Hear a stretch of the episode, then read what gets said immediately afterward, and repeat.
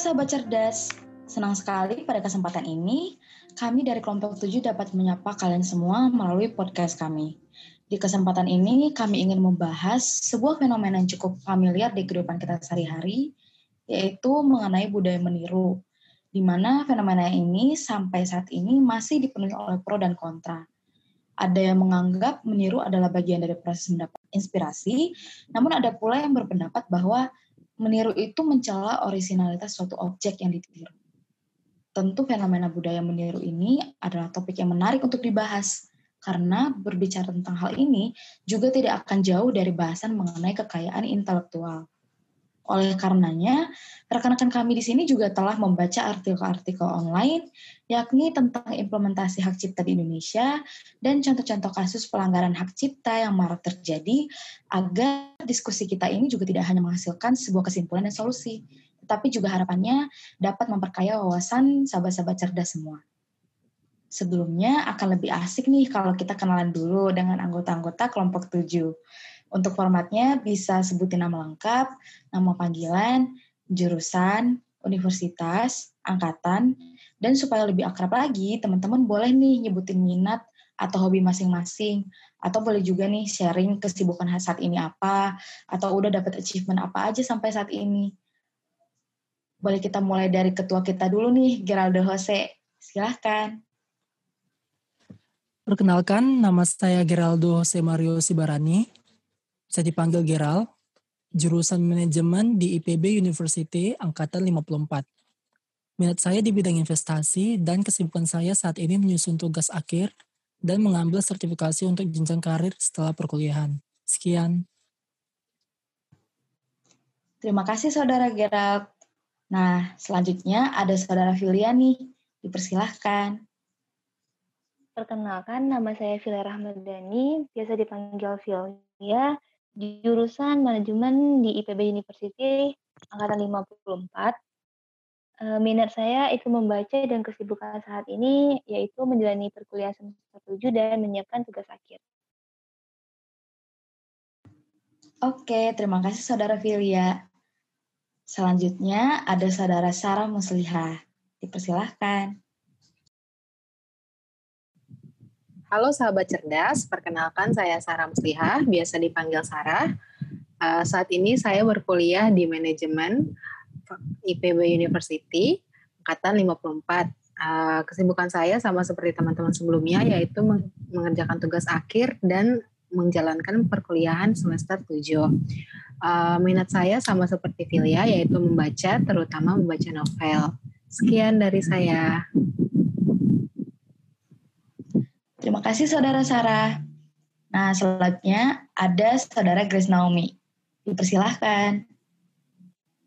Salam sejahtera para sahabat cerdas. Perkenalkan nama saya Grace Naomi Gokasi Limbong, biasa dipanggil Naomi. Saya jurusan manajemen angkatan 54 dari IPB University. Nah, minat saya, saya memiliki minat terhadap hal-hal yang berbau seni, dan sama seperti teman-teman sebelumnya, saya sedang sibuk dengan menyelesaikan tugas akhir. Terima kasih. Oke, terima kasih teman-teman semua. Nah, terakhir uh, perkenalkan nama saya Yunica Elizabeth Sihotang, biasa dipanggil Yunica.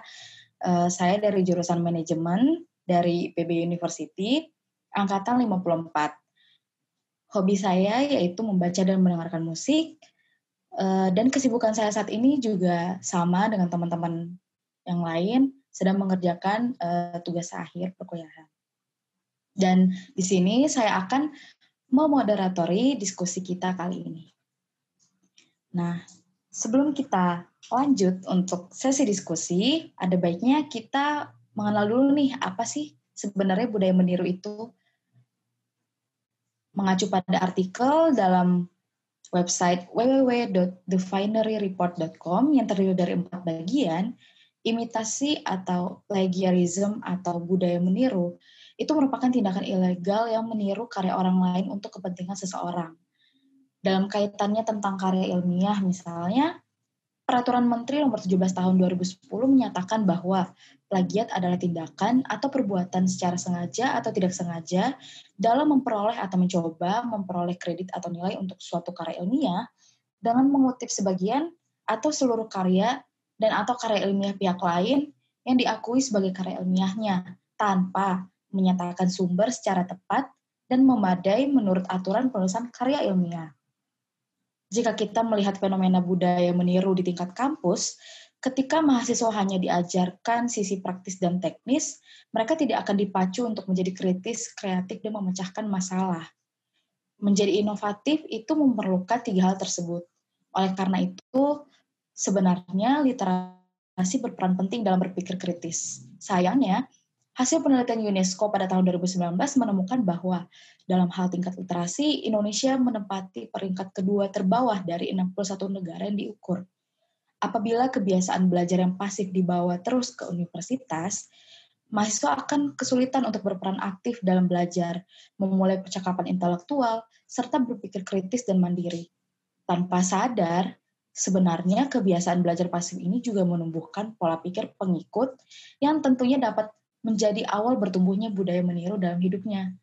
Jika kita lihat keadaannya di Indonesia juga, budaya imitasi atau budaya meniru itu masih sangat berkembang di tengah-tengah masyarakat kita.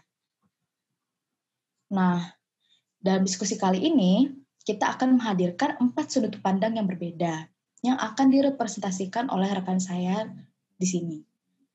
Adapun sudut pandang tersebut yaitu dari sisi pemerintah yang akan direpresentasikan oleh saudara Sarah, lalu ada dari sisi akademisi atau peneliti yang akan direpresentasikan oleh saudara Filia, dan dari sisi bisnis yang akan direpresentasikan oleh saudara Gerald, dan dari sisi pekerja kreatif yang akan direpresentasikan oleh saudara Naomi. Nah, kita membahas mengenai budaya meniru yang memiliki kaitan dengan hak dan kekayaan intelektual. Dalam artikel culture di website duniaku.id and disebutkan bahwa tidak ada lagi ide yang benar-benar 100% asli.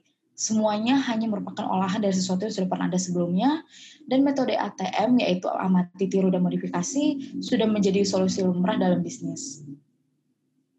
Hal ini tentu memunculkan satu pertanyaan di benak kita, yaitu sebenarnya apa sih yang menyebabkan budaya meniru ini bisa muncul di tengah-tengah masyarakat atau komunitas kita. Nah, mari kita mendengarkan eh, masing-masing uh, sudut pandang yang berbeda, uh, dimulai dari sudut pandang saudara Filia. Baik, sahabat cerdas semuanya, jika kita pelajari dari salah satu penyebab sejak dini, baik kita sadari atau tidak, ada korelasi antara masa kecil dan perkembangan kreatif. Sebagai contoh lingkungan terdekat saja, contohnya keluarga. Keluarga merupakan faktor penyumbang terbesar terhadap proses berpikir seseorang. Hal ini dapat kita telusuri dari tahap perkembangan anak, yaitu adanya proses sensorik. Nih, jika kita lihat dari salah satu ahli terapi bermain pengajar yang bernama Fibri Nabian, dia mengatakan bahwa jika orang tua membatasi kegiatan anak, maka perkembangan dan prosesan sensorik mereka akan tertunda. Hal ini dapat menghambat kreativitas mereka untuk berpikir. Dan ini bakal e, berkelanjutan sampai mereka dewasa. Tentunya hal ini tidak baik dan dapat e, menjadi keterbatasan kemampuan mereka untuk berimajinasi. Selain itu, sahabat cerdas, jika kita lihat pada ranah pendidikan, menurut saya di Indonesia masih minimnya kurikulum yang menunjang peserta didik untuk dapat berpikir kreatif. Sebaiknya diterapkan pelajaran seni rupa atau pelajaran yang dapat menghasilkan suatu ide yang mana mereka tidak boleh meniru referensi yang sudah ada, melainkan harus menciptakan karya baru dengan ide dan imajinasi dan juga dengan melihat rujukan referensi di masa depan. Nah, seperti yang sudah kita dengar dari Vira sebelumnya, maka hal itu dapat kita hubungkan pada industri kreatif saat ini kita bisa melihat bahwa di industri kreatif saat ini ada beberapa kasus-kasus di mana ada sebuah perusahaan atau UMKM yang meniru produk-produk yang lain. Nah ini mungkin saja memang diakibatkan oleh karena mereka mencari inspirasi dari tempat yang tidak tepat. Mungkin mereka mencari inspirasi dari internet atau mungkin hanya dari Pinterest. Bahkan mereka hanya mencari informasi dari produk yang sudah ada. Dan ini akan berakibat fatal karena dapat mengakibatkan terjadinya peniruan. Terkadang orang-orang juga tidak dapat membedakan mana yang meniru, mana yang mereka hanya mengambil inspirasi dari sana. Ketika seorang mengambil inspirasi, maka mereka hanya mengambil nilai yang terdapat dari produk asli yang sudah ada. Namun ketika mereka mencontek, mereka akan mencontek berbagai elemen dari produk yang sudah ada. Dan hal ini bisa dengan mudahnya terjadi kemungkinan saja karena ada celah regulasi di Indonesia. Karena memang produk-produk seperti gambar, koreografi memang dilindungi oleh hak cipta. Di mana hak cipta tidak perlu di laporkan terlebih dahulu. Sedangkan pada produk-produk fashion atau produk-produk desain industri, maka hal tersebut harus dilaporkan dulu. Sehingga ketika terjadi penciplakan, maka orang yang menciplak dapat dituntut.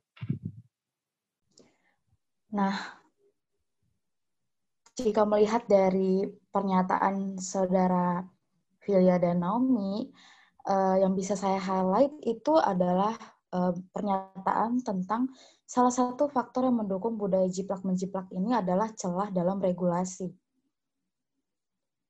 Menurut saya, bisa jadi demikian karena sepertinya regulasi di Indonesia belum cukup melindungi uh, hak-hak cipta di uh, Indonesia. Tetapi sebenarnya kalau dilihat dari sudut pandang lain, bisa saja kita belum mengetahui lebih jauh tentang bagaimana sih regulasi tentang uh, hak cipta di Indonesia yang telah diciptakan eh, oleh pemerintah. Oleh karena itu, uh, ada baiknya nih kita dengarkan sudut pandang dari pemerintah selaku pembuat regulasi.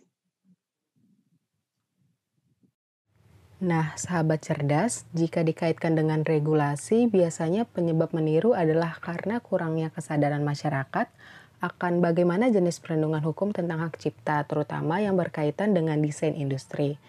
Seperti yang telah disebutkan Naomi tentang celah regulasi, sebenarnya bukan tentang itu, karena perlindungan hukum KI sebenarnya telah diberikan oleh pemerintah, dan ini karena pemerintah sadar bahwa suatu inovasi perlu dilindungi dan diberikan penghargaan, sehingga semangat inovasi akan selalu ada.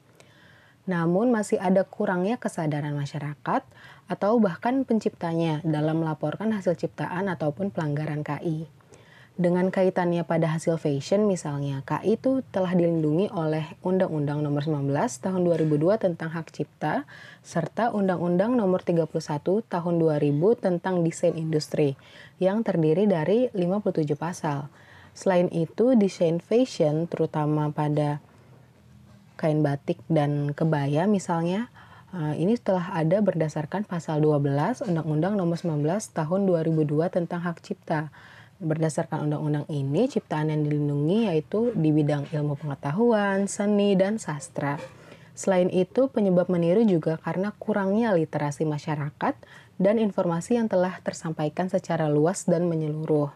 Nah, dalam situs ekonomi.okezon.com pada tahun 2019, ini juga menyebutkan bahwa Indonesia menempati peringkat ke-45 dalam laporan tahunan Indeks Kekayaan Intelektual Internasional yang diluncurkan oleh Global Innovation Policy Center, yaitu salah satu lembaga di USA atau Amerika Serikat.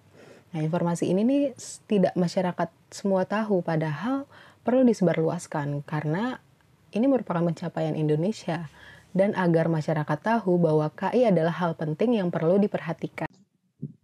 Nah, tadi itu kita sudah mendengarkan uh, ternyata dari sisi regulasi sebenarnya sudah ada uh, aturan uh, yang telah diciptakan oleh pemerintah untuk uh, melindungi kekayaan intelektual di Indonesia.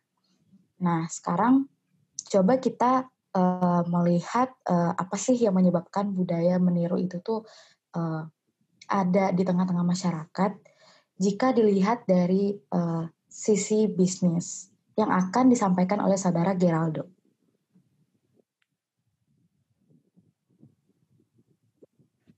Dari sisi bisnis, produsen meniru produk yang lebih terkenal karena kurangnya kreativitas namun ingin memperoleh konsumen dengan cepat dan profitabilitas tinggi.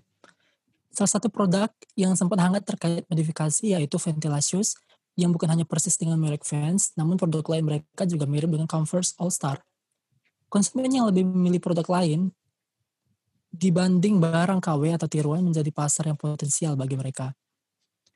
Sahabat cerdas juga perlu mengetahui bahwa konsumen Indonesia yang cenderung mengikuti tren fashion pasar menjadi salah satu faktor produsen menciptakan produk yang hampir mirip, baik dari sisi desain dan bahan. Selain itu, potensi pasar di Indonesia menjadi penyebab produsen meniru produk lain. Menurut analis Spire Research and Consulting, industri sepatu Indonesia menyentuh 49 triliun pada 2021. Masih besarnya potensi pasar menjadi salah satu alasan produk modifikasi kerap kali muncul di dunia usaha meskipun sangat disayangkan potensi pasar ini tidak diisi dengan produk inovatif dan berkreativitas tinggi untuk menambah prestis produk Indonesia. Oke, terima kasih untuk uh, rekan-rekan semua. Jadi kita sudah mengetahui nih uh, sebenarnya uh, dari berbagai sisi dan sudut pandang uh, apa saja yang memicu uh, munculnya budaya meniru itu di tengah-tengah komunitas kita. Sekarang uh, tentu ketika ada sebab pasti ada akibat. Nah, kira-kira apa sih uh, akibat dari budaya meniru ini jika terus-menerus ada uh, bertahan di tengah-tengah komunitas kita. Mari kita mendengarkan uh, dari sudut pandang uh, para pekerja kreatif yang akan direpresentasikan oleh saudara Naomi. Sahabat cerdas, bagi para pekerja kreatif, tentu saja produk tiruan dapat menurunkan penjualan mereka. Hal ini dapat dilihat pada kasus antara produk asli yaitu Anchor hoodie merek Prim dengan produk tiruannya Anchor hoodie dari merek Forever 21. Sebagai gambaran, produk ini merupakan hoodie yang memiliki warna biru muda dan motif jangkar. Dan produk, produk asli ini ditiru oleh Forever 21 tanpa adanya perbedaan yang cukup signifikan. Nah, bila kita melihat dari grafik penjualan Prim's Anchor hoodie, maka dapat terlihat peningkatan dan penurunan yang cepat dari penjualan produk asli tersebut. Meskipun penjualan masih bagus setelah empat tahun, namun perlu diperhatikan bahwa sekitar 75% dari penjualan utama terjadi dalam dua tahun pertama. Menurunnya penjualan dapat disebabkan oleh dua efek dari produk tiruan terhadap produk aslinya. Efek pertama yaitu efek substitusi, di mana ketika calon pembeli membeli memilih untuk membeli produk tiruan saja daripada produk asli. Meskipun memang hal ini masih diperdebatkan karena memang biasanya produk tiruan itu memiliki harga yang jauh lebih murah daripada produk asli sehingga memang pasar dari produk asli yang mahal dan pasar dari produk tiruan yang murah itu memang berbeda. Lalu efek kedua yaitu adalah over over exposure. Nah, dapat kita ketahui bahwa memang seseorang biasanya membeli produk-produk fashion itu untuk menjadi unik, untuk menjadi berbeda daripada yang lain. Sehingga ketika ada produk asli yang diciptakan lalu ada produk tiruan diciptakan juga, maka produk tersebut akan berlimpah di pasaran sehingga akan terjadinya overexposure terhadap produk tersebut. Sehingga hal itu akan mengurangi orang-orang yang ingin membeli produk tersebut karena memang sudah tidak ada lagi rasa keunikan yang akan dimiliki setelah membeli produk tersebut. Nah, uh, barusan kita sudah mendengarkan uh, dari sisi para pekerja kreatif ternyata uh, budaya meniru tersebut dapat menurunkan penjualan uh, mereka dan ternyata juga sangat-sangat merugikan uh, para uh, pekerja kreatif yang tentunya merupakan produsen uh, asli atau original dari karya-karya uh, tersebut. Nah, jika kita kaitkan uh, dengan sudut pandang bisnis, tentunya pasti berbeda karena uh, ada satu hal yang dipikirkan, yaitu profit. Nah, mari kita dengarkan sudut pandang dari sisi bisnis yang akan dipresentasikan oleh saudara Geraldo. Kebalikan dari Naomi, produsen yang meniru produk lain akan meningkatkan penjualan produk mereka dan mendapatkan profit. Sebagai contoh, dari pencarian Google Trend kategori shopping, jika Ventela dibandingkan dengan produk lokal lainnya, Ventela berada pada grafik yang sangat bagus dan di atas rata-rata. Namun hal ini hanya berlaku untuk jangka pendek. Pada jangka panjang, produsen yang kerap kali meniru tidak memiliki identitas dan citra yang baik di mata konsumen. Sebagai contoh, jika ada produk Indonesia yang memiliki inovasi baru dan terdaftar di DJKI, produsen yang lebih sering meniru dan tidak dapat melakukan praktik tiru lagi karena ada terkena sanksi. Bukan hanya itu, jika semua produsen meniru produk dan tidak ada yang berinovasi, maka konsumen juga akan memilih produk yang lebih dekat dengannya tanpa perlu memikirkan kualitas dan merek karena semuanya sama saja. Dengan demikian, tidak ada lagi persaingan yang sehat di dunia usaha, dan semuanya monoton. Nah, sahabat cerdas, itulah mengapa produsen tidak boleh meniru produk orang lain dan harus tetap berkreativitas.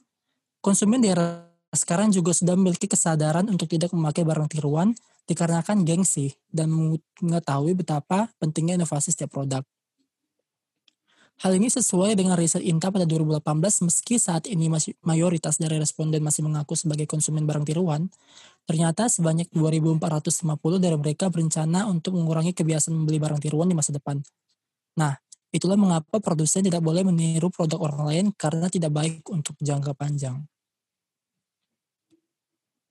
Sekarang kita sudah mengetahui ternyata uh, dari segi bisnis juga uh, budaya meniru dalam bisnis ternyata tidak semenguntungkan itu dalam profit karena ternyata sangat-sangat mempengaruhi uh, citra perusahaan tersebut uh, di mata uh, konsumen yang tentunya pasti juga mempengaruhi uh, perilaku konsumen tersebut. Nah, sekarang mari kita melihat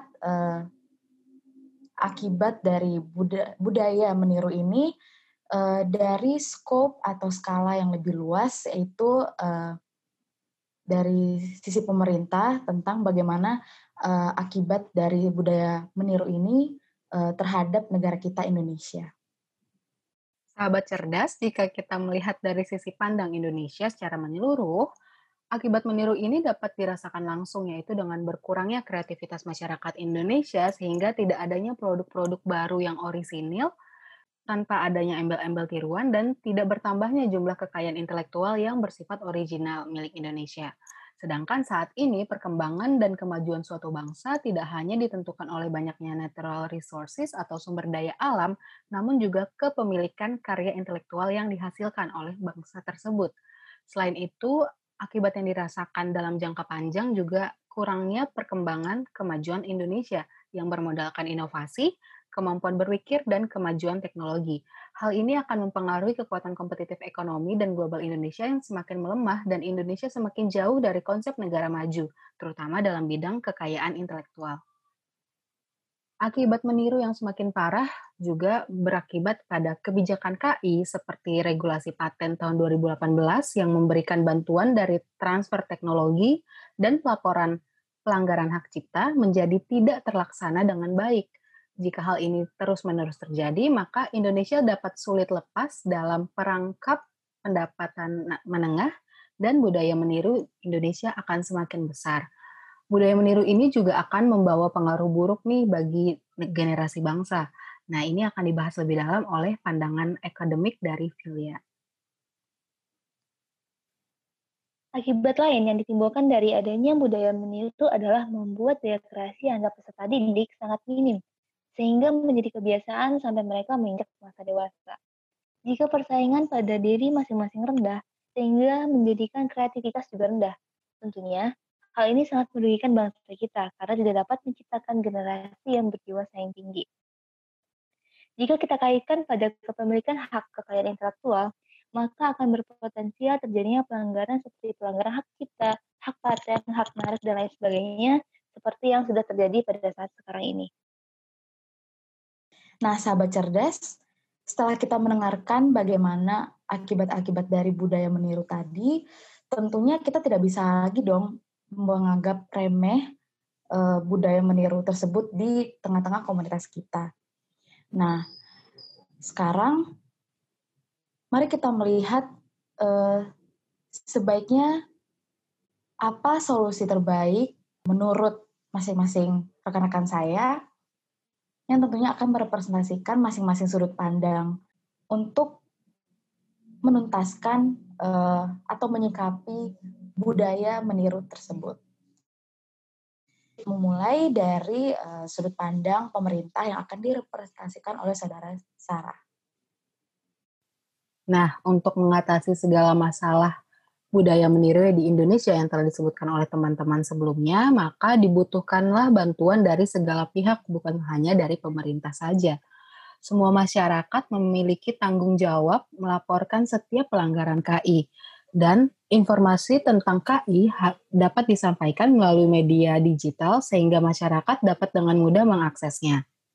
PBB melalui World Intellectual Property Organization pada tahun 2001 juga telah menetapkan bahwa pada tanggal 26 April diperingati sebagai Hari Kekayaan Intelektual Sedunia.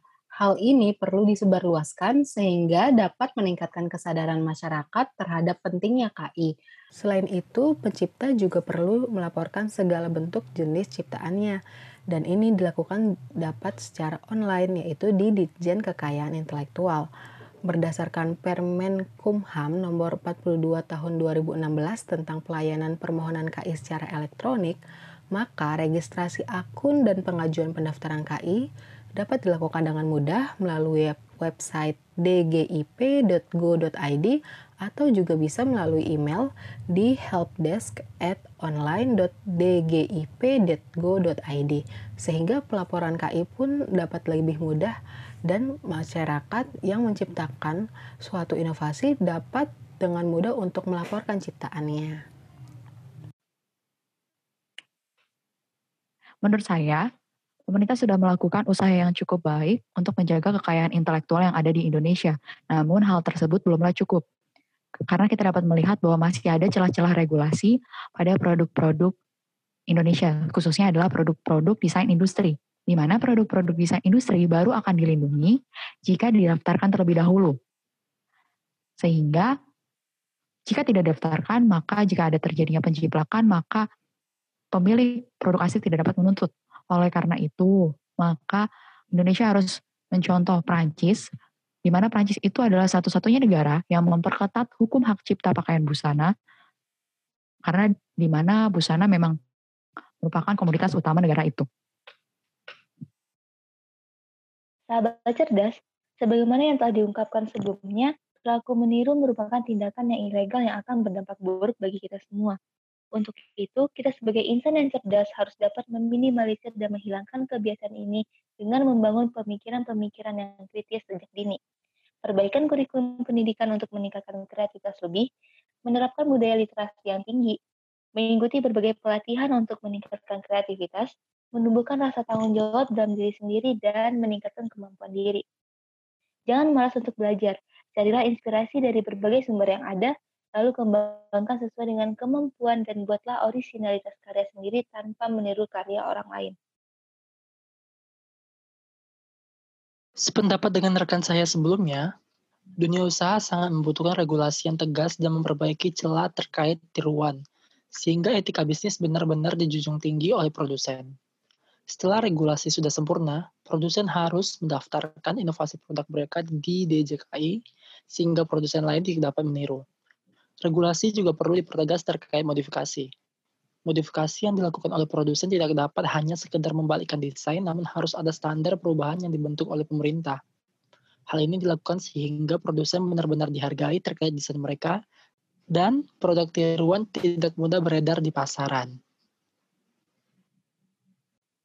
Baiklah, sahabat cerdas, Eh, kita telah mendengarkan uh, berbagai solusi dari berbagai sudut pandang, baik itu dari pemerintah, akademisi, para pekerja kreatif, maupun dari sisi bisnis.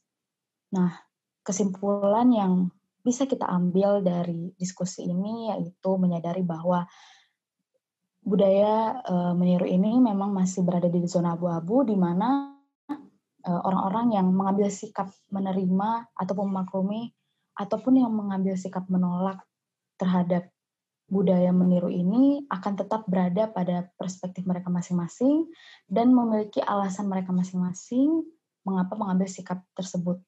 Tetapi uh, kita sebagai cendekiawan sudah seharusnya menghargai uh, hasil karya dari para pencipta yang telah bekerja keras menciptakan karya-karya mereka tersebut. Mungkin sampai di sini uh, diskusi kita. Semoga uh, teman-teman semua mendapat uh, banyak wawasan dan informasi baik itu mengenai budaya meniru maupun uh, kekayaan intelektual dan harapannya informasi mengenai budaya meniru ini juga tidak hanya uh, berhenti di sahabat cerdas semua tetapi sahabat cerdas juga turut serta menyebarkan uh, ke rekan-rekan sahabat cerdas semua. Mungkin itu saja dari kami kelompok 7. Terima kasih eh, atas perhatiannya. Sampai jumpa.